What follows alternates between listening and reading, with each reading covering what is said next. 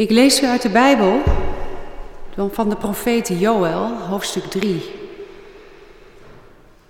Dat gedeelte van de Bijbel dat geciteerd wordt in handelingen. Als de apostelen de geest krijgen. Daarna zal zich dit voltrekken. Ik zal mijn geest uitgieten over al wat leeft. Jullie zonen en dochters zullen profeteren. Oude mensen zullen dromen dromen en jongeren zullen visioenen zien. Zelfs over slaven en slavinnen zal ik in die tijd mijn geest uitgieten. Dan zal ik tekenen geven aan de hemel en op aarde. Bloed en vuur en zuilen van rook. De zon verandert in duisternis en de maan in bloed. Dan komt de dag van de Heer, groot en ontzagwekkend. Dan zal ieder die de naam van de Heer aanroept ontkomen. Op de Sion in Jeruzalem is een toevlucht te vinden, zoals de Heer heeft beloofd. Ieder die hij roept, zal worden gered. Dit is nu echte profetie, een apocalyptisch beeld van een wereld in nood.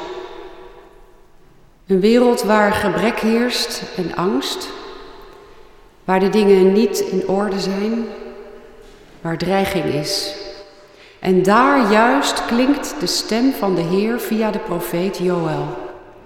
En die stem verkondigt dat hij verandering zal brengen, redding. Dat het goed zal komen met wie op hem vertrouwen. Die stem verkondigt dat hij zal regeren in plaats van de angst of de onderdrukking. Ik zal mijn geest uitgieten over al wat leeft. En dan kan er geprofiteerd worden worden er visioenen gezien, dromen gedroomd. Het doet me denken aan deze tijd, waarin het perspectief op verandering ten goede zo onzeker is. Waarin we vaak een bepaalde visie missen op wat er gaande is in de wereld en waartoe. Wij moeten ons op dit moment inhouden, als samenleving, als wereld zelfs, met het maken van plannen die ons hoop geven omdat we werkelijk niet weten wanneer alles weer kan. Wanneer alles weer mag en wanneer we weer kunnen leven naar onze aard.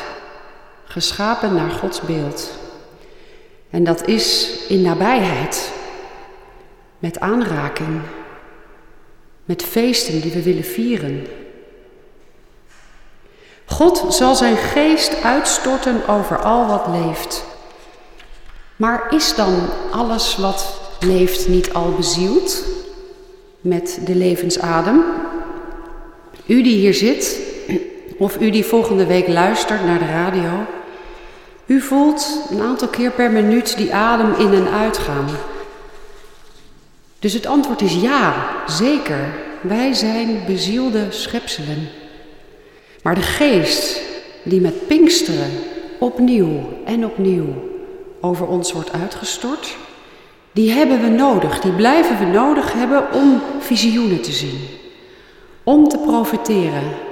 Want elke situatie en elke tijd vraagt weer om een ander soort volhouden, om een ander soort moed. Elke tijd en elke situatie en elke mens worden voortdurend uitgedaagd om die geest die wordt uitgestort te ontvangen, zodat we die kunnen uitstralen als we toeleven naar Pinksteren, dan mogen wij ons oefenen in ontvankelijkheid. Het is niet aan ons dat het gebeurt, dat uitstorten van die geest. En ook niet hoe het gebeurt, maar we mogen ons wel beschikbaar stellen voor het werk van die geest. Die geest die redding brengt en kracht geeft en troost en heel maakt. En de profeet Joël zegt dan, degene die de naam van de Heer aanroepen. Zo noemt hij dat. Een ouderwets woord daarvoor is invocatie, aanroeping. En dat is wat wij kunnen doen. Zoals het volk Israël, als toen zij door de woestijn trokken, af en toe de tent aan de rand van het kamp opzetten, zodat de geest van God kon neerdalen. Maar zij moesten wel die tent opzetten. Zo kunnen wij ook zelf een tempel zijn met onze menselijke geest en met ons lichaam en met onze adem, waarin God kan wonen.